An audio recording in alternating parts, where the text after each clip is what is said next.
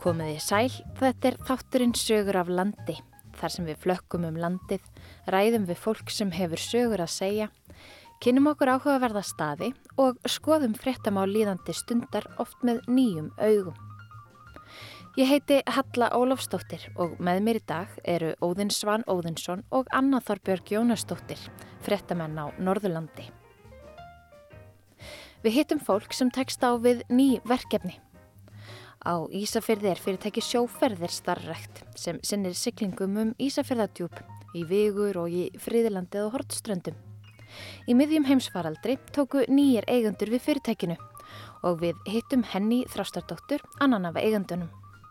Í meðju COVID og meðju fæðingarólafi þá stökkum við til að kaupa ferðarþjónustu fyrirtæki. Það er bjart sínast fólk á Ísafyrði. Þá höldum við í Eyjafjörð þar sem skóarböðin verða opnið á næstunni. Óðinn Svan Óðinsson settist niður með verktakanum Finni Aðalbjörnsinni sem hefur staðið í ströngu við verkið. Vatnið er um 50 gráður út í göngum og það tapast einhver einu og hálf gráða hérna á leiðinni neyrir. Þannig að núna er vatnið komið hérna inn og, og vatnið er komið í laugarnar og það er bara vera að pröfu að kera hérna allt slíkt núna þessum dögum. Og að lokum höldum við á Skagaströnd þar sem við heitum þau Hugrúnu Sif Hallgrimsdóttir organista og Jón Ólaf Sigur Jónsson slökkulegstjóra sem reka útfararstofu í frítíma sínum. Það er öruglega eitt af þakklátast starf sem við höfum unnið um æfina. Það er, er ótrúlega að finna hlýleikan frá aðstandendum til í okkar garð í, í þessari vinnu. En fyrst höldum við á Ísafjörðarhöfn. Ég heiti Henny og við erum stötta í Bryggjuhúsinu á Ísafjörði, smábátahöfninni. Þetta eru svona höfustæðar eða aðsettur fyrirtækisins sjóferða sem að þú átt nú svolítið hluti í, ekki satt? Jú, ég, ég og maðurinn minn eigum sagt, og rekum sjóferir, kiptum það 2020 og já, þetta er svona þar sem að fólk hittist og lappar hérna neyri báta. Já. Hvers konar fyrirtæki er þetta? Hvers konar verkefnum eru þið helst að sinna? Við erum ferðarþjónustu fyrirtæki sem siglum uh, um Ísafjörðardjúp og yfir á hotstrandir og við erum með áallin frá sagt, mæ fram í september. Svo þjónustu við líka skemmtifæðarskipin sem koma hérna í töluverðumagni í sumar og hafa gert sem sagt og erum að sigla með farþeg og skemmtifæðarskipanum aðaleifur á hestiri og í vigur, svona dagsferðir. Já. Og hvað er það með marga báta? Byrjum með tvo, þriði er á leiðinni og við erum með svona 248 farþegabáta og 130 farþegabát. Já. Þú segir áætlunarferðir. Fyrir þá sem þekk ekki til, er þetta bara eins og strætóferðir yfir á hortstrandir? Já, í rauninni. Við gefum út áætlun fyrir sömarið þar sem við syklum á svona alla helstu áfungastæði hortstranda. Við förum jökulfjörðarhingin sem sagt langflesta dagavikunar og svo syklum við í Hotnvík tvísverju viku, við syklum í Aðalvík, Fljótavík og svo bara getum við tekið önnu stopp ef fólk óskar eftir því. En þið eru með áallin en það eru fleiri fyrirtæki sem að hjálpast að með að sinna, sinna í rauninu ferðum á hortstrandir ekki sett? Jú, svo er boraða líka með áallin. Þannig þið farið svolítið sikkur dagana? Já, sérstaklega jökulfjörðarhingin þá reynum við að meða við því að ef við förum í morgunin þá fara hinnir setnibartinn. Já. Og svo í Hortvík þá eru þið ekki heldur sömu, sömu dagana eða eitthvað? Nei. Þannig að yfirleitt reynum við að vera með svona sikkur dagana þannig að fólk hafi aðeins val. Já. Og svo líka silt frá Bólungavík? Já.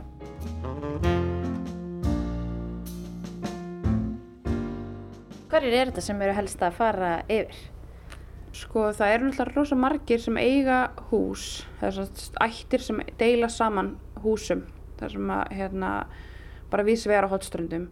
Það er alltaf langstærsti hlutur íslendingarnir en ennþá eru svona bakbókaferðalangarnir eru ennþá stærsti hlutin útlendingar. Mm -hmm.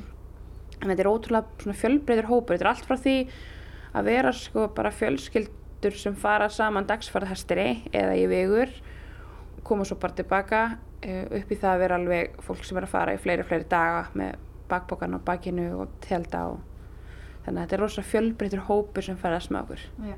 Og svo húseigendunir sem eru jafnvel að fara með byggingavörur og, og, og allt mögulegt þarna yfir.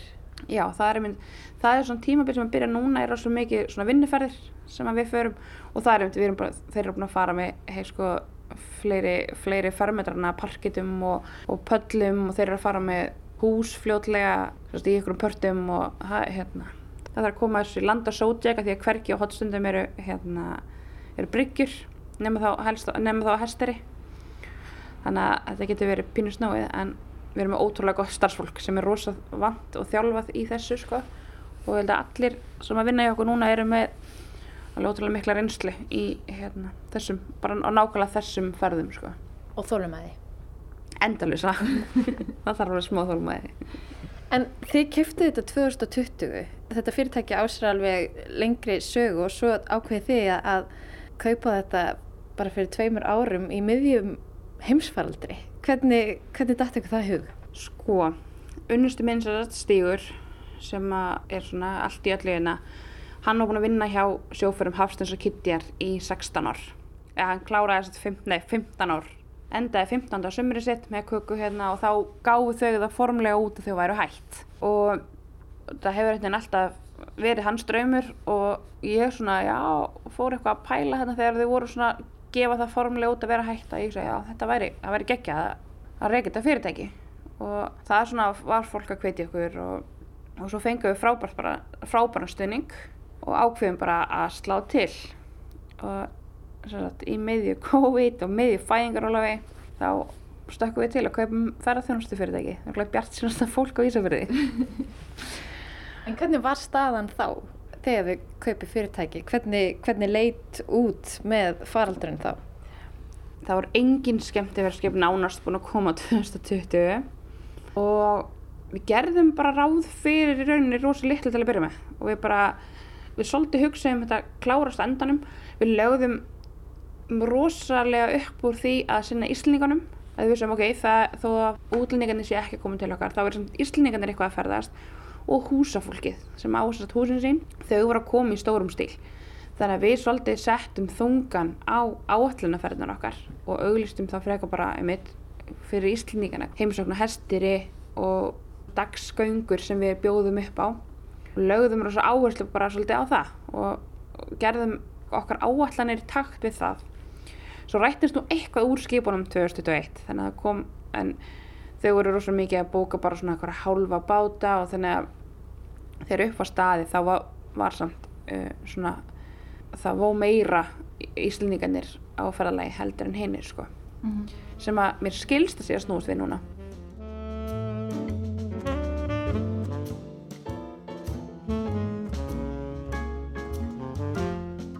Þannig að þetta fór samt á endanum ekkert svo illa. Þetta voru, það var nóg að gera hjá okkur. Já, það var alveg, alveg gaman að segja frá því. Þegar við byrjum, við kaupum náttúrulega bara sko tvo báta af þremur. Sjóferðar Hafstins og Kitty er rákuð sem sagt þrjá báta. Við vorum ekki svo bjart sinna, við keftum ekki alla þrjá í einu. Og vorum með það svona plan að við byrjum bara að ráða áhöfn á einn bát. Og hugsaðum, ok, við bara dekkum þá áhöfn á setni bátinn. Þegar að við þurfum að halda bara með svona aflýsingum svo kemur stígutíminn í byrjun sumars eða svona já, í síðasta vor og segir mér að það séu alveg 30, þá var hann að segja að verður 30 dagar yfir sumarið þar sem við verðum að segla á báðum bátunum. Þannig við eitthvað svona, já ok, við þurfum kannski að skoða það að vera með eitthvað, þú veist, kannski ráða eitthvað tímabundi eða eitthvað. Svo kemur hann og segir mér að það séu 70 dagar yfir sumarið þar sem við erum á báðum bátunum og svo þegar upp að stæði þá voru það bara örfáða dagar sem vorum ekki á báðum bátunum. Þannig að það var, það rættist rosalega úr sumrinu og hérna, alls konar sérferðir þar sem fólk var bara að leia bátana. Og það rættist alveg þannig úr því líka þegar við svo komum við í næsta, núna næsta sumar og þá stóðum við frammi fyrir því eftir síðasta sumar að annarkvort þyrftu við að minga við okkur í skemmtifæraskipunum eða hætta með áætlanaferðinar eða dagsferðinar eða kaupa þrjabátinn og það varð úr að við keiftum að stígu og sendur til Norex og, og sá bátur er núna bara á leiðinni vonandi næstu helgi vestur hingað Og Stígur er að sækja hann fyrir sunnan eða hvað? Já, hann er sem sagt uh, við, hann keipti bátinn í Nóri og komin með hann heim til Íslands loksins. Það tók smá viðugvöðinni, voru hann ekki alveg hlýðallir þar. En hann kom sem sagt heim fyrir nokkrum vikum síðan og er búin að vera núna í trefjum í Hafnafjörði í svona örlillum breytingum og þá aðalega hérna, aðgengi.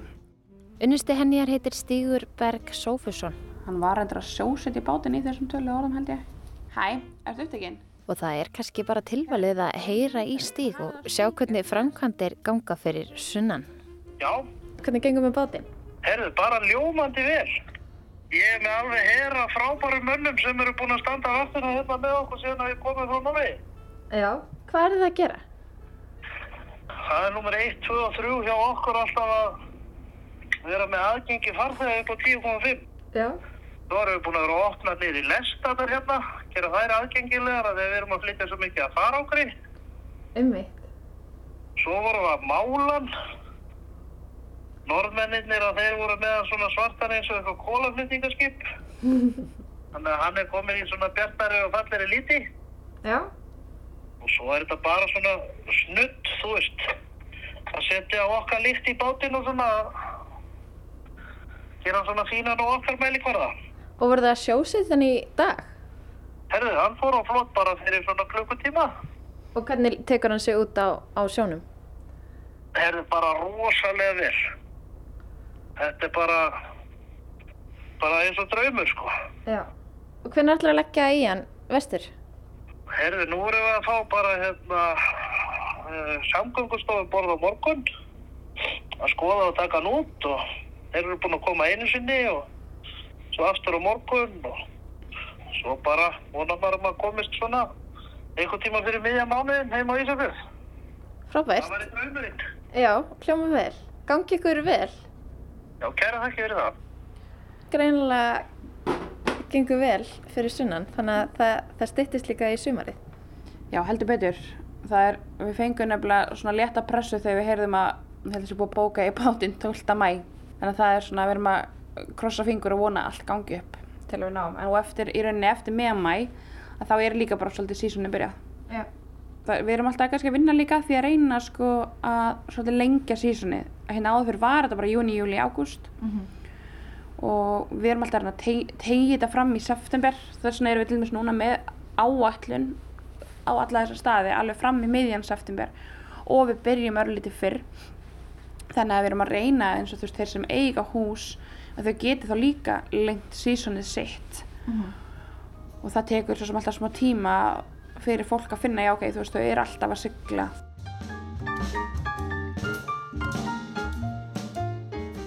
Hvernig hefur veðrið farið með ykkur hinga til? já, við erum alltaf rosalega háði oft er hægt samt að svona hliðra til því að fólk, þá sérstaklega íslendingarnir sko, þeir skilja alveg að þú ferð ekkert út í brælu eða Og sérstaklega ekki þarna vestu fyrir alveg norður í Hortvík og þanga. Nei, þú bara það, hérna, bara, bara hættulegt sko. og við erum með rosa reynda skipstjóra og þeir, þeir eru mjög flinkir að meta það bara hvort þeir fara eða ekki og það er, það er í grunninn þeir sem segja af eða á og eftir fara þá treysta þeir sér alveg 110% sko. og hérna og stundum ég meina þegar það er alveg, ég segi það ekki það er alveg farið þó að sé eitthvað að veðrinu en þá eru þeir líka alveg vissir um það að þeir hafi 100% stjórn aðstæðum þannig að jú, við erum alveg jafn háð veðri eins og aðrir sko. Já. Þannig að núna þegar þú horfir tilbaka eins klikkuð hugmynd og þetta kannski hljómaði þá að, að ráðast í að kaupa þetta fyrirtæki, hefur þú séð nokkuð eftir því? Nei, alls ekki að, bara enga veginn en þetta var sko klikkuð hugmynd sko til að byrja með mjög margir sem komið til okkar og voru þú veist, ég held að vera með eitthvað byluð og ég náttúrulega í miði bara fæðingarólu og ætlaði nú bara aldrei að hafa það hugulegt hérna í bryggjúsinu og bara horfa á strákana að vinna og þetta, þetta var svo rólegt. Ég ætlaði nú aldrei að læra þetta í róleitum fá svona rólegt ár til að já, bara læra allan hlutina hérna. Og svo voru eiginlega allir ferðþjónar allavega eins og hérna svæðinu sammála því að það gerist bara eitthvað um hérna miðjan júni þannig að júni 2021 þá bara kikkar eitthvað inn þannig bara fljótlega eftir 17. júni þá allt í einu fór bara að vera brjála að gera. Og maður fann það svolítið í ágúst september á líka á öllum ferðarþjónum hérna svæðinu. Það voru náttúrulega allir undirmannaðir. Það átti engin von á að ferðarþjónustan myndi lifna svona svakalega við. Fólk var alveg að ferðast fram í bara september. Við vorum ennþá með, með ferðir alveg fram í miðjan september í fyrra. Þannig að það svona lifnaði heldur hressilega við þessu. Og ég þurfti að læra þetta mjög hratt. Já. en bara, eins og ég, það var samt það rættist ótrúlega úr þessu og við erum og ég er alltaf ótrúlega þakklátt fyrir að hafa fengið bara þann stuðning og þá kvartningu og bara hjá allum okkur sem standa okkur næst að láta þetta verða veruleika sko. Og þú lítur bara bjart sínum augum á sumarið sem er framöndan. Já, heldur betur. Það var að byrja mæ og það er alveg orðið uppselt sko í, nánast í einhverjar ferðir strax og það, við, erum, við erum byrjað að fá símtölinn sko hvort við megum, hvort það má stækka bátana þennan dag og í áætlun og hvort, hvernig er þetta hlýðir þessu til og við erum búin að fá fullt af svona sérferðum. Og þannig að þegar maður flettir í gegnum dagbækina þá svona létt svitna maður hvort að annars sumar mitt í þessu og það verður alveg bara er alveg brjálega að gera sem er bara frábært sko. Já. þannig að við erum mjög spennt. Takk kærlega fyrir spjallið henni Þrastardóttir og gangi ykkur vel. Takk fyrir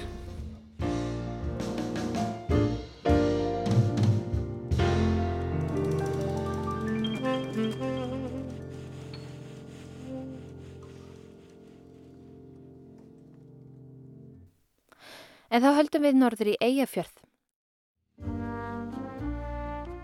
Eftir að heitt vatn tók að streym úr vaðalaheiðagöngum fengu hjónin Finnur Aðalbjörnsson og Sigurður Marja Hammer þá hugmynd að beisla vatnið og búa til baðstað. Nú nokkrum árum síðar er draumurinn orðin að veruleika og baðstaðurinn verður opnaðar á næstu vikum. Óðinn Svan Óðinsson hjælt á Frankværtasvæðið og settist neyðu með Finni. Það komið sjóðheitt vatni í þetta. Hvað verður þetta heitt? Þessi 37,5 eitthvað svolítið, 37,5 8, við vitum ekki alveg, þú veist, Já. bara, það er eitthvað svolítið og, og hinn, hérna efri lögin er 2 gráðum heitar. Ég, ég heiti Finnur Albjörnsson og ég er sem sagt eigandi verktakafyrirtæksins Finns EHF og er fættur uppalinn í þessari sveit frá Lögurlandi. Gufa hérna. Já, eða sána og svona hvítar. Hvað, eigum við að taka þetta spjall bara hér eða? Það er bara inn í, örgulega bara hérna inn í sána. Já. Þetta er þetta sitt það. Já, minnst þú það. Það er verið að kveikja á þessu. Við deyjum hér. Já, ég held það. Það er ekki að fara í líkamann. Já. Þú segist þér að verktaki og þú ert svona þekktur hér í bæ sem slíkur, svona meira í snjómókstri og gröfum og svoleiðis, en nú ertu komin svolítið annað, uh, ertu að opna hérna, maður má kalla þetta bara heilsu lind. Föru kannski aðeins aftur í tíman, hvernig, ja, hvernig kemur svo hugmynd upp? Ég hef alltaf haft rosa miklar áhuga, áhuga á þess heitu vatni og svona bað. Var meins að sundlöfurður um tíma á Lögurlandi og þetta er búið að veltast fyrir mér síðan ég varð var við þetta vatn sem kom út úr göngunum og ég hafði alveg hug á því að sagt, byggja svona stað þar sagt, við göngin en það náðust bara ekkert samningar um það. Enda var staðurinn þar heldur ekki eh, eins góður eins og þessi sem varð. Og svo duttu við hjónin og ná þetta land til sölu og það var bara hann um, um haustið 2020 og við fórum sér satt og gerðum kauptilbóð og keftum það bara hann í september og þetta gerðist mjög hratt sko. Ég fór og fekk á fund Norðurorku, fekk vilja yfirlýsingu að ég geti haldið áfram með verkefnið út að ég fengi þá vatnið sagt, til afnóta þó þetta hefði bara verið sagt, vilja yfirlýsing í byrjun. Og fórum svo á fund sveitarstjórnarinnar á samt uh, skipulasteild eigafjörðar og þeir tóku þessu afskaplega vel sagt, og, og ég vildi bara kanna sagt, viðmót sveitarinnar og spurði náttúrulega jafnframt hvort það væri einhver á móti þessu strax bara. Og það var bara ekki einn maður sko. Þannig að boltinn rúlaði býsna rætt á fóru við sem sagt til Reykjavíkur hittum arkitektana sem að hafa verið að teikna þessa baðstæði hérna á Íslandi og fannst bara eðlilegt að tala við þá í stæðan fyrir að fara að finna upp hjólið annar staðar. Og við notuðum veturinn sem sagt í undirbúning sem sagt í tekníkavinnu og meðan var sveitafélagið með sem sagt uh, pródjettið í aðalskipulags og deiluskipulagsferli á sama tíma til að reyna að flýta þessu. Og ég fekk svona semi-leifi til að byrja á, á framkvæmdunum bara rétt fyrir páska í fyrra. Þannig að það er um leið og, og, og þú fréttir að því að það er að frusast heitt vatn út úr valaðegnungum sem náttúrulega kemur til þegar að menn fara að bóra hann í gegn og, og kannski er til vandraða þá. Þá kviknar þessi, þessi draumur í, í þér? Já, ég fór hérna þrjus að sinnum hérna inn í göngin sko. Það er náttúrulega stórmerkilegt og Norður okka þeir eiga náttúrulega bara mikið heiður skilir að sko, hafa bjarga vatninu, sagt, tekið það sér. Þannig að þeir eittu fullt af tíma og peningum og miklu brasi við að sko, ná vatninu frá öðru vatni. Og það eru sagt, það er tvennskona vatn sem kemur út úr göngunum annars vegar blanda vatn sem er um 30 gráðu heitt sem er eitthvað annað 100 sekundilítrar það rennur bara áfram þannig í sjó og mun renna. Þessi foss mun ekki breytast neitt. Alveg saman þó menn hafi haldið að ég væri að fara að taka fossin og fara með hann hinga þá, þá er það ekki tannig menn ætti kannski bara að kynna sér lutin að verið fara að rópa eitthvað um þetta. Þessu heita vatni sem er leitur, það kemur í leiðslum hinga inn fjörðin og, og inn í þessi böð þar sem við sitjum núna. Já þau, þau eru hérna. Þetta eru rétt um 2,6 km hérna inn og vatnið er um 50 gráður út í göngum og það tapast einhver einu og hálf gráða hérna á leiðinni neyrir þannig að núna er vatnið komið hérna inn og, og vatnið er komið í laugarnar og það er bara verið að pröfu að kera hérna allt stjórnkerfið bókunarkerfið og bara allt hússtjórnarkerfið sem slíkt núna þessum dögum Það er eins og ferðarþjónustan hafi ferðað á pásu og meðan að þið værið að græja þetta og svo er alltaf að fara á, bullandi sving núna þegar þið eru að opna. Jú, jú, þetta er alveg þar og, og menn hafi balvað þessu COVID í bak og fyrir þá svo sem við byggðum þetta náttúrulega bara í, byrjuðum náttúrulega að byggja, byggja þetta bara í miðju faraldrinum og það var bara ágætt að byggja í þessum faraldri. Náttúrulega örðum fyrir töfum á svona aðfengum og svo leiðis. Við vorum til dæmis bara að fá aðfeng núna bara sem átt að koma í desember. Þannig við ætlum náttúrulega að opna þetta fyrir en húsið bara stakkaði svo mikið og, og, og, og laugarna líka og það breytist margar fórsendur frá því við fórum á stað þannig að þetta, þetta bara gekk ótrúlega vel. Svo náttúrulega bara vorum við rosalega heppin með bara innamenn og, og hérna af svæðinu og fengum líka menn frá austan að Eilstöðum sem var alveg svaka hapafengur.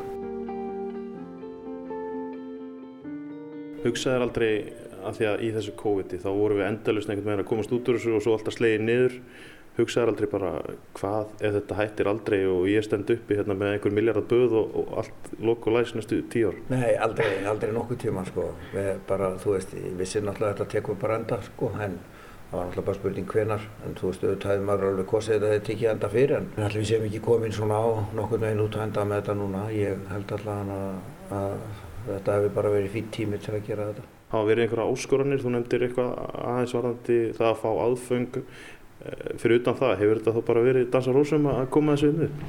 Já, já, þetta hefur bara verið rosalega skemmtilegt verkefni og við bæði erum náttúrulega ekki búin að gera neitt eða annað. Verktakafyrirtæki hefur náttúrulega alveg fengið að kannski líða eins fyrir það þessa 13,5 mánu sem ég er búin að vera hérna, eiginlega upp á hvern einasta dag og já, við skiptum sérstaklega með okkur verkum eiginlega. Ég sé bara um allt úti og byggja þetta hús og kona mín sér um innanús dæmið allt saman og heldur utan um alla reikninga og allt því sem að því kemur og allt það sem er, sem er einhverju peningar og, og, og skipulagning á þessum pappirum. Ég er ekki góð það sko. Þið kannski svona látið hæfileika hvers annars blómstra í síkuráttunum? Já, já, þetta er bara, þú veist, búið að vera farsaltinn. Ég þarf svo sem ekki að fara, ég þarf ekki að fara að byggja annað svona bað sko. Þetta sko. Ertu þú pínu þreytur á þessu? Maður er svona pínu þreyttur skilur en þetta er alveg skemmtilegt. Þetta var skemmtilegt verkefni og núna sér maður bara þetta er, þetta er að klárast núna bara á næstu dögum eða vikum og hérna e, þetta er orðið gaman aftur sko. Þetta, var hérna á tímabili þetta var alveg, þetta var bara erfitt sko. Man, manni fannst ekki gerast neitt. Á hvað tímabili er það í svona ferli sem að þið finnst þú koma hérna dag eftir dag og, og þú sérði eitthvað breytingu þegar þú fer heim á kvöldin? Það var bara þegar við vorum bara að loka húsinu og svona hérna í, bara í miðjum vetri, þú veist, sem betur fer fengum við náttúrulega bara frábæra vetur hérna á Norrlendingar og þú veist, sjálfur lítinn eða engan snjó, veist, þetta var bara eitthvað smottir í sem ekkert var og, og maður var svona kvíðinn, þú veist, að því að við ætlum að vera búin að loka húsin í haust og einingarna voru ekki tilbúinir að því að tekningarna voru ekki til og þetta dróst bara og við steiftum síðustu steipuna í lauginni hérna 8. janúar þannig að það er svo sem enginn að steipu pús á veturnar sko á þessum hraða eins og var gert núna nema bara í svona árferði. Þú nefndir aðeins staðinn, það var svolítið talað um þegar þetta vatn fannst að það kemur svolítið baðstæðar hérna beint fyrir niðan eh, þið, þið veljið að fara að hinga inn í skógin, hvað, ertu ekki nokkuð ánægð með það bara svona eftir aukja? Jú, ég er rosalega ánægð með það og vatni kemur út í einhverju 55 metra hæð og ég vildi náttúrulega hafa baðstaðinn eins neðalega eins og ég gæti upp og þetta ekki fara að dæla vatnin og öðru slíkt sko. Þannig að þetta átti bæði að vera hérna aðeins norðar, sérst ofið bí, núverandi bílastæði í upphau og eftir svona hljóð prófanir á umferðinni hérna á þjóðvegi eitt í kring þá var það alveg hreint bara var ekki að ganga þannig að við færðum þetta hérna lengra inn í skógin og leið að við komist yfir lækin sem rennur hérna fram hjá þá verður svo góða hljóðmæningar að þetta var bara allt annað líf. Og liftur sem sagt húsinu fóru með það úr. Það stendur í 10,5 metr hérna gólplatan núna. Já, kannski ekki tökulegt að leiki í potinu með einhver drikk og það er endalus umferð rétt hjá þér? Nei, bara trukkaumferð eins og það var bara, bara, þetta var alveg mikil umferð hérna nýra á planinu og svo bara eftir við fórum hérna inn að það er bara alltaf lokn hérna, það meins ekki, það reyfir ekki vind hérna eins og í suðvestanátt sem er náttúrulega vesta vind átt akkureringa og bara eifirringa og já, eiginlega bara alla landsmanna þannig ef þú horfir á það, þetta er bara andþykilegt en það bara, hún nær sér aldrei upp hérna, við erum búin að vinna hérna núna í já, rúmt ár og þú veist, þetta er, það er bara alltaf skjól hérna, þetta er ótrúlega veðursvælt. Þannig að þú getur lofað bongo blíðu hérna bara 12 mánu ári? Já, ég bara, þú veist, þetta og, og fyrir vikið fáum við sára lilla vindkæling á vatnið og getum náttúrulega farið sparlega með vatnið og og bara látið renna þá bara þess að hraðar í gegn til að vera með meiri vaskifti og meiri gæði á vatninu. Þú talar um að þú og konan hefði skipt með eitthvað verkum, þú hefði séð um að byggja, en núna svona, þú ætlar að opna eftir einhverja daga, tvær, tvær vikur þá tekur, má segja, að taka alvaran við þó að það sé búið að vera erfið tíumbil. Ertu brattur að þetta verði allt fullt af fólki? Já, allavega við erum alltaf búin að ráða sannsagt framkvæmdastjóra og aðstofa konu hennar og þær eru búin að vera hérna veist, í vinnunni í tvo mánuði og við erum fannin að sjá sko bókun bara út þetta ár, hópabókanir sem eru, já, það, þetta, þetta er ótrúlegt sko og þú veist, það kemur ekki, sá dagur að kom ekki fyrirspöld frá erlendum ferðarskrifstofum eða hópum eða sem að koma okkur rosalega óvart að eitt daginn, ég held að hafi komið yfir 20 fyrirspörnir erlendis frá sem sagt eftir að þetta fór eitthvað svona í fjölmila að væri verið að byggja hann að stað hérna. Þannig að auðvitað það var rosalega gaman. Þannig að þið, þið, svona, þið eru að horfa svolítið í þetta að fá stóra hópa erlendra ferðamanna til þess að halda þessu uppi?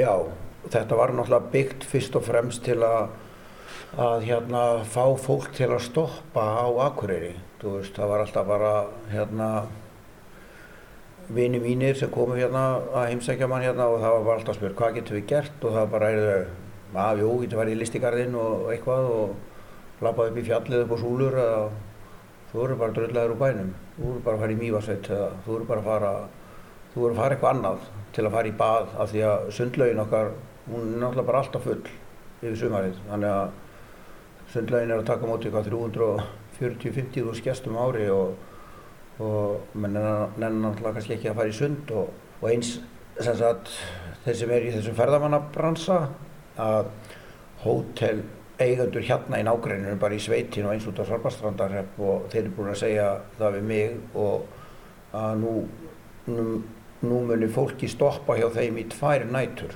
sem sagt. Nú getur það fara bóðið þeim upp á einhvern skoðunarring hérna í bænum og enda að farið í bað og jafnvel farið austur og svo já þá geta við látið við gista tvisa sinum í staðan fyrir bara einu sinni og þetta er náttúrulega mikil hagsmunni fyrir þessi hótel að láta fólki stoppa lengur. Svo talar um, við um tímasetningu á hann, það hefur verið COVID í tvö ár, þeir eru að hitta svolítið e, ef ekkert breytist á góðan tíma, það er að koma nýtt flugfélag og það er svona, það er allt mikið að vinna með ykkur. Já, já, það er bara, er ekki bara komið tími til að við verðum einhvern tíðan heppin hérna á hverju. Við erum búin að vera nógu oft óheppin, þannig að, þú veist, ég held bara að fólk þurfi bara að standa saman líka bara, þó að sé búið að byggja sér böð, þá bara halda áfram. Það er eitthvað meira, það er ekki bara að þetta verið böðum alltaf. Nei, nei, þetta er að byggja upp allt hlýðafjall, segi ég, og, veist, ég bara skora bara á bæði bæinn og að fara, fara, fara með þetta bara á næsta skref og, og fara sem sagt að marka sittja hlýðafjall sem er náttúrulega sanns svo sem verið búið að gera En það þarf náttúrulega bara að fara með þetta á annan level. Það þarf náttúrulega bara að fara að byggja hótelan og það þarf að byggja klá og það þarf bara að gera eitthvað. Það er ekki að sitja þetta bara í endalus að nefndir og þvæla þessu þar fram og eftir ár eftir ár og það gerist ekki neitt. Nú þegar þú ert komin inn í þennan bransa, fer ekki bara í þetta sjálfur? Byggir eitthvað, eitthvað annað? Já, ef ég hefði ekki farið í að byggja sagt, þessi böð, þá var maður alveg búinn að horfa fara á einhver einn eða tvo fundi út af því máli og þú veist, það er aldrei að vita en ég ætla samt að taka mig smá frí þegar þetta er búið. Og bara að jafnvel liggja hérna í böðunum næstu, næstu mánu? Já, já, ég ætla, ætla að taka, taka það rólegt núna á næstunni. Magnað, ég þakka að kella fyrir spjallið og bara gangi ykkur vel með þetta. Já, takk.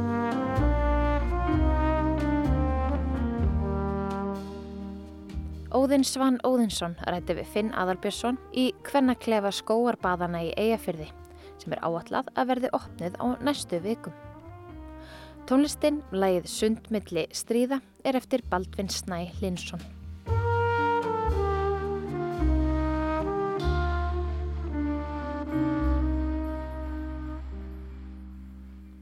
En úr Eyjafyrði höldum við á Skagaströnd.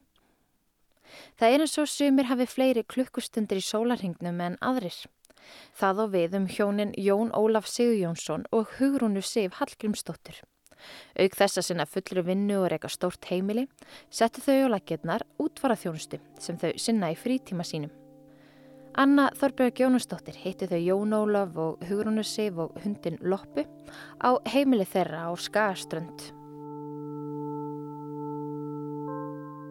Ég sem sagt hef starfað sem organisti í, kannski ekki orðin 17 ár. Og við sem sagt í kringum útfæriðnar í tengslum, tengslum við hérna organistastarfi þá fundum við svolítið mikla þörf fyrir útfærið þjónustu sem ekki er neinstar í bóði nema bara á Akureyri og Ströndunum held ég. Og hérna þannig að við sáum svona að þarna var eitthvað sem vandaði hjá okkur þetta getur verið rosalega flókið bara fyrir aðstandendur að standa í þessu að því að maður segir ofta en bara meira nóg að sirkja ef þú missir einhvern en þá voru alls konar aðri hluti sem fylgdu því þannig að við höfum fengið alveg rosalega mikið að heyra hvað fólki, hvað þetta mikið léttir fyrir fólk að við skildum stíðin í þetta Og hvernig byrjaði þetta? Við byrjuðum 2019 fórum við lokast 2019, byrjun 2020 þá fórum við að spá í þessa hluti og hérna stofnum fyrirtæki í mars 2020 og hefum, hefum verið í þessu bara síðan þá nánast, nánast upp á hverja helgi sko. Þannig að, að við fundum það strax að, að það var greinlega þörf fyrir þessa þjónustu. Okkur var mjög vel tekið og og hérna, það hefur alltaf verið svo útför kvorki á Skagaströnd nýja blöndhúsi sem við höfum ekki komið að með einum með öðrum hætti. Og hvað er það sem að útfara þjónustur uh, gera? Hvað, hvernig getur þú sagt bara svona hvað á ferlinu? Já, við erum bara, e, ef að sem sagt einhver degir þá er bara hægt að koma til okkar og við sjáum bara um ferlið frá aðtilu, bara auglýsingar, salmaskrá, við getum flutt tónlist eða útvega tónlist á fólk og, og aðstofn bara með, já, panta blómin, skiplagt erfiðryggjur, bara við tökum við ferlinu bara og fylgjum fólki alveg þangu til að, að búa að jarða einstaklingin. Og það er ekkert mála að byrja með svona. Það veit, kann maður alveg að, að skipulegja, já, eða vera með útfara þjónustu?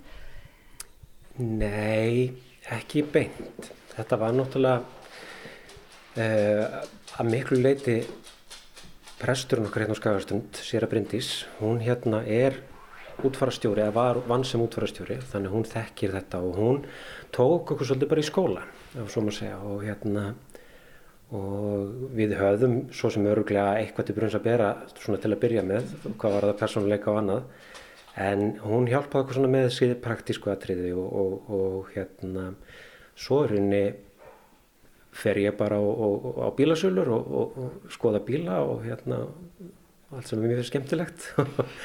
Og kaupi bíl sem við breytum svo. Og hérna svo snýst þetta um að, að, að reyni, það þarf út að leifi fyrir þessu síslega með þarf að gefa leifi fyrir útvarðarþjónustum og hérna og svo þurfum við náttúrulega að komast inn í, inn í gagnaguruna og annað varandi skráningu og, og svo leiðs en, en já eins og segið það, við fengum góðan skóla frá, frá góðum vinn okkar. Þannig að þið eigið, hvað kallar maður, líkbíl eða hvað? Já, já, já, við getum kallað líkbíl. En hérna, þetta er nú gammal svona ferðarþjónustu bíl, svona amerískur í fullri lengt hefur uh, örgulega þjónað við það hérna, að skvölla fræga á ríkafólkinu hérna áður fyrr. En við kaupum hann með það í huga að við náttúrulega búum hérna fyrir norðan og hér er ekki alltaf jólinn sko. Þannig að við erum að, að eiga við Eh, ófærð og, og, og misjöfnum veður. Þannig að við hugsaðum með okkur að bílinn er að vera fjórhjólodrifin og, og náttúrulega helst að komast eitthvað sko. þannig að þetta er nú svona það má segja kannski að þetta sé eins þetta er öruglega sá líkbíl á landinu sem er næst í að vera jæppi En hann er svartur og eða hvað, hvað lítur hann út eins og líkbíl? Já, hann er náttúrulega svartur og krómaður og mjög virðulegur það er það sem að skipta máli í þessu og náttúrulega alltaf tandur reyn En þeir eru ekkit eh, með eitthvað sérstaklega aðstöðu eða þannig að þeir eru með bara meira að menna heima ykkur? Já, við bæði bara förum heim til fólks og svo kemur fólk líka komið til okkar. Þannig að nei, við erum ekki með, með hérna, sérstak túsnaði fyrir reksturinn eða neitt slíkt, ekki nema bara fyrir bílin okkar. Þannig að þið leggjur hún ekkit fólkið til kvílu í kistónum eða þannig, það er gert annar staðar. Það fer svona aðeins eftir því bara hvar við erum að gerða sumstar höfum við aðstöð til þess annars það er ekki. Þannig að en jú við, við gerum það líka. Og bara tilbúin að fara í það og þið hefðu enga reynslu af því eða hvað? Nei, eins og ég segi, við höfðum kannski ekki mikla reynslu af því en, en uh, það er þetta með persónleikan, þú verður að, að, að vera hérna ég held að bara þú þurfur að vera ákveðin típa persónuleika til þess að, að eiga eitthvað erendi í þetta. Og við fundum það bæði að þetta var eitthvað sem við kemum ekki til með að setja fyrir okkur. Og það er náttúrulega ef þú, ef þú lítur bara á látið fólk ég er náttúrulega bara sem að það sé sofandi sko og hérna og hugsaður ekki svo mikið um í rauninni að það sé dáið sem slikt sko þá verður þetta miklu léttara og okkur finnst mjög gott líka að, að meðan við erum að kistuleikja bara hennilega ræða við þann sem við erum að kistuleikja mm -hmm. og hérna og vera svolítið með það á bakvið eirað að, að, að rauninni ég hvernig getur orðað að þetta sé svona já eins og, eins og einstaklingurinn sé hálpartinn sofandi bara og við séum í rauninni að bara leggja hann til kvílu frekar en að bera hann til gravar sko mm -hmm. En svo má kannski líka nefna að þegar við ákveðum að fara út í þessa þjónustu og það fór svona spyrjast út, það voru líka útfarstofur sem höfðu samband við okkur og buðið fram aðstóðu og, og hérna aðstöðu. aðstöðu og við fengið bæði bara að ræða við fólk þar innan gerans og heimsækja það og þannig að það var rosalega vel tekið á móti okkur mm. bara svona í bransanum. Þú þurfur líka að hafa mikið tröst, eða fólk þarf að hafa tröst, bera tröst til ykkar, þannig að þið hafið það greinlega að fólk leitar til ykkar. Já, ég vona það. Við allan að svona reynum að, að, hérna, að ganga hverri aðtöfn með eins mikil yfirðingu og við getum.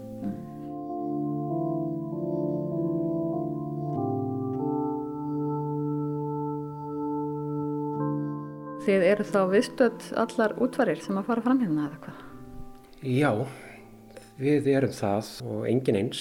Það eru allar, það hafa allar sinn, sinn sér enginni, semst útfærir, það er náttúrulega misjöfnar. Þetta er fólk á misjöfnum aldri og, og hérna, en við erum viðstödd þar allar og, og, og það má kannski bætaði við að, að Við höfum oft rætt að þetta er öruglega eitt af þakklátast starf sem við höfum unnið um æfina. Það er, það er ótrúlega að finna hlýleikan frá aðstandendum til í okkar garð í, í þessari vinnu og þá er unni gildir að einu hvort það er í þessum viðtörnum sem við erum að taka af fólkið eða í sjálfum útförunum sem við erum viðstödd. Mm -hmm og þið eru ekki bara í út, hérna, viðstöld sem útvarar stjórar heldur, er það að taka þátt í útvörnum, er það ekki? Þið eru með ymsa að hatta. Jú, ég sko er búin að starfa sem organisti í 17 ár þannig ég var, ég var búin að vera mjög lengi við þær að spila. Og svo í COVID þá skapast eiginlega hálgirt vandamála því að allt kórastarf lág niðri. Þannig að við stopnum þá útfara kvartett og erum búin að vera aðsíðan að syngja, fengum vina hjón okkar með okkur. Þannig að við erum líka stundum að fara kannski eitthvað lengra í burtu þar sem er aðrar þjónustur og þá bara að syngja sem kvartett Þannig að þið eru líka að koma að öðrum útförum þó að sé ekki á ykkar vegum. Já við, við eigðum stórum hluta lífsins okkar í útförum.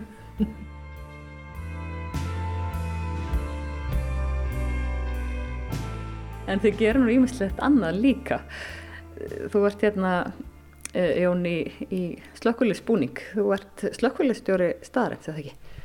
Jú, ég er nýttekinn við þessum slökkustjóri á Skagaströnd og hérna hef verið í liðinu síðan 2004 uh, svo hérna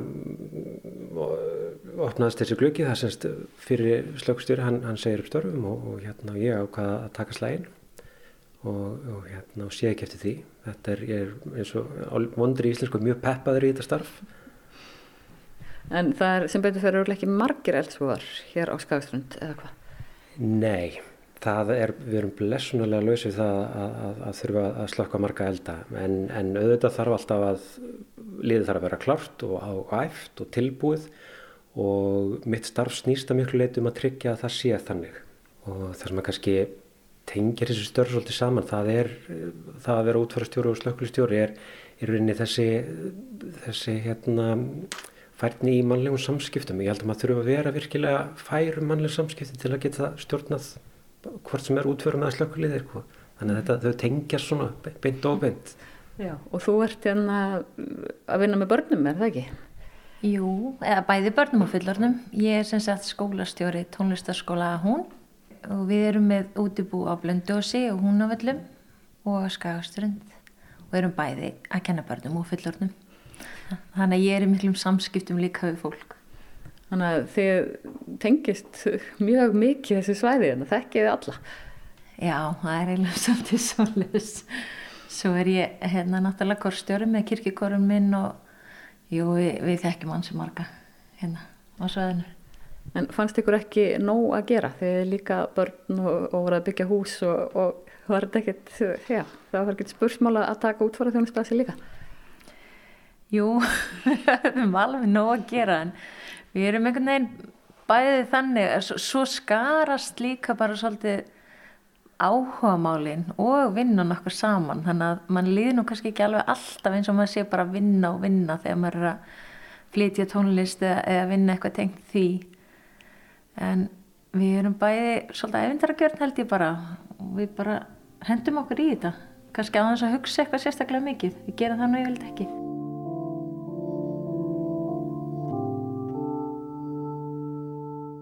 Við sitjum með mitt í hérna, já, myndi segja glæn nýju húsi, nýjasta húsið á Skagaströnd. Hvernig kom það til að þið fórið því að byggja hús hér? Það er eins og Hugrun segir, sko, við, við fáum oft brjálaðar hugmyndir og það er svo sem alveg sloppið til að við fáum brjálaðu hugmyndi í sekura lagi en þegar við fáum sömu brjálaðu hugmyndina þá verður þetta fjandilöðs oft og það var í þessu tilfelli þetta gerist allt mjög hratt. Við erum tökum ákvörðunum að selja gamla einbílisúsið okkar hérna á Skagastund og hérna það fór sölu, seldist á með tíma og þá tökum við ákvörðunum um að flytja inn einingahús. Og það ferli tók líka mjög stuttan tíma og, og, og byggingin tók mjög stuttan tíma og allt þetta. Þannig að það má ég segja að við vorum raunni frá því að, að við seljum okkar gamla hús og þangur til flytjum inn í nýja og byggingatími þar á milli þetta verður kringum ár. Svona samhliða öllum hinnum störfunum ykkar? Já, já, samhliða öllum hinnum en það var oft kunstugu svipur á okkar verkamönnum sem voru með, að mjög leiti útlendingar þegar við komum hérna að kíkja á það á líkbílnum og í útfaradressinu.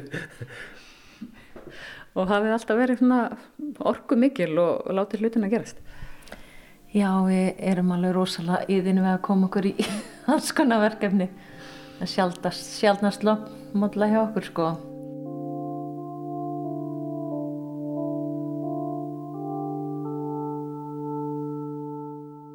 Þetta er samfélag sem er svolítið þjætt og, og verðist vera að lifna svona eins við eftir kannski erfið síðust ár. Já, mér er svolítið hérna fallegt eins og sveitarstjórun okkar hefur orðað. Þetta er lítið samfélag með stórt hjarta og það er líka bara kannski góða við það, maður fær bara alls konar tækifæri, maður getur fengið að prófa sér áfram bara með svo margt. Og maður getur liða svo fjölbreytt og skemmtilegi lífi maður bara vil það. Mm -hmm. Það er kannski ekki svo flókið með þetta að stopna bara fyrirtæki. Ný, maður bara byrjar og svo reynir maður bara að vaksa. En eru þið híðan?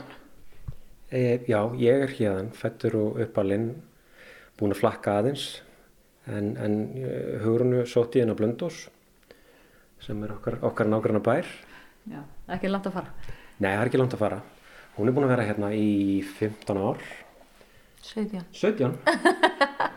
Líður rætt, það er mikið að gera Það líður rosalega rætt, þetta er eiginlega skuggalegt sko. En þegar mitt eru samt að sinna Blöndós eða mitt í útvaraþjónustunni líka? Já, við erum bara mjög mikið þar Er það bara á þessum minni stöðum? Er ekki yfirleitt svona þjónusta eins og ykkar? Nei, yfirleitt ekki. Eh, á þessum minni stöðum hefur verið svo lenska svolítið að, þetta er bara á margar manna höndum. Presturinn sér um, um eitthvað hluta og meðhjálpar hugsalega eitthvað hluta og, og svo sér fólk um eitthvað sjálft og svo er kannski einhver sem að, að sér um bíl, björgunarsveitirnar eru oft með bíl á sínum herðum þá náttúrulega koma margir að þessu og náttúrulega þegar margir koma að hlutunum þá er ofta eitthvað sem getur farið úrskiðis en eins og í okkar tilfelli þá hérna þá tökum við bara allan pakkan, sjáum um þetta allt saman. Svo í lokin fær fólk bara í rauninni eitt rekning frá okkur og, og hérna. Markmið okkar er kannski svolítið það að, að þú bara tala við okkur og þarft eiginlega ekkert kannski að tala við marga fleiri, ja. við höfum milligöngu við alla aðila og þetta einfaldar úrslega ferlið og utanumhaldi fyrir fólk. Þannig eins og við hefum sagt líka bara við fólk að ef eitthvað klikkar þá er það okkur að kenna. Mm -hmm. Því við byrjum bara ábyrð á því að allt gangi eins og það á að ganga og allt sé klárt. Mm -hmm. En hvernig er með útvarir? Þú veist, er alltaf, þú veist, það er svona kóratónlist og finnir eitthvað svona að fólk vill eitthvað nýtt? Er eitthvað svona tíska í útvarum? Nefnilega, það er nefnilega, þetta er góð spurninga því að útfarir í dag þær eru að mörgu leiti að verða bara líka svolítið eins og tónleikar. Við erum komið rosalega langt frá þessu hefðbundna salmavali eins og var. Og ég held einhvern veginn alltaf að við sem bara búin að syngja eða flytja nánast allt sem hægt er að beðjum en sko við höfum örgulega flutt fleiri hundru lög og það er alltaf eitthvað nýtt sem kemur upp og nýtt sem við þurfum að læra og þetta er, þetta er bara, já, þetta er ótrúlega flóra tónlist og alls ekki engungu kirkitónlist.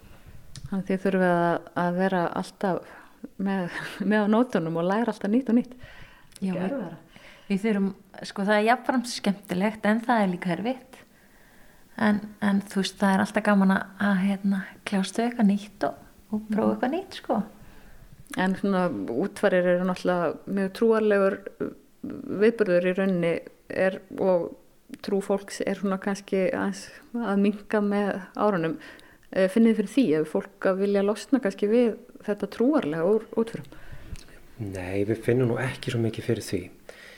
Það sem við finnum hins vegar er eins og högurum bent á að fólk er kannski farið að leifa sér aðeins meira frjálsræði hvað varðar, það er ekki að hengja sig á gamlu sálmanna endilega sko. En sko, fyrst og fremst vil fólk bara hafa þetta fallegt og, og, og, og virðulegt en, en ég get ekki sagt það að, að mér finnst trú fólks vera minga endilega. Mm -hmm. veist, í grunninn eru aðtatnar eins og þær voru og hafa alltaf verið, þetta er einu sama formið á þessu og fólk vil náttúrulega ekki vika frá því sko. Mm. En, en ég get ekki sagt það, nei. Já, sko, þó, þó einmitt það er hérna, fólki fækkar stöðugt í þjókirkini maður náttúrulega svo sem verður sannlega var við það en, en samt er svona einhver íhaldsemi tengt útförum mm -hmm. þannig sem byttu fyrr þannig að hérna það, mitt, ég finnum mitt eins og, eins og hann saði ekki fyrir, fólk vil ekki vika frá því þar mm -hmm. nema þá í tónlistinni Já, en það ánáttúrulega bara að vera hátilegt og, og fallegt Já, bara virðulegt og fallegt mér finnst það svona eins og ég segi, mér finnst virðingin skipta alveg rosalega miklu máli í þessu verðli.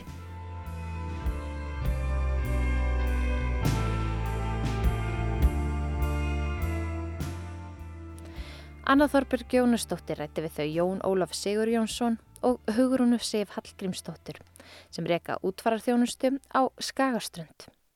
Þá herðum við í hundinum þeirra loppu sem teiplaði þarna í kring. En þá kom að lokum hjá okkur í sögum af landi í dag.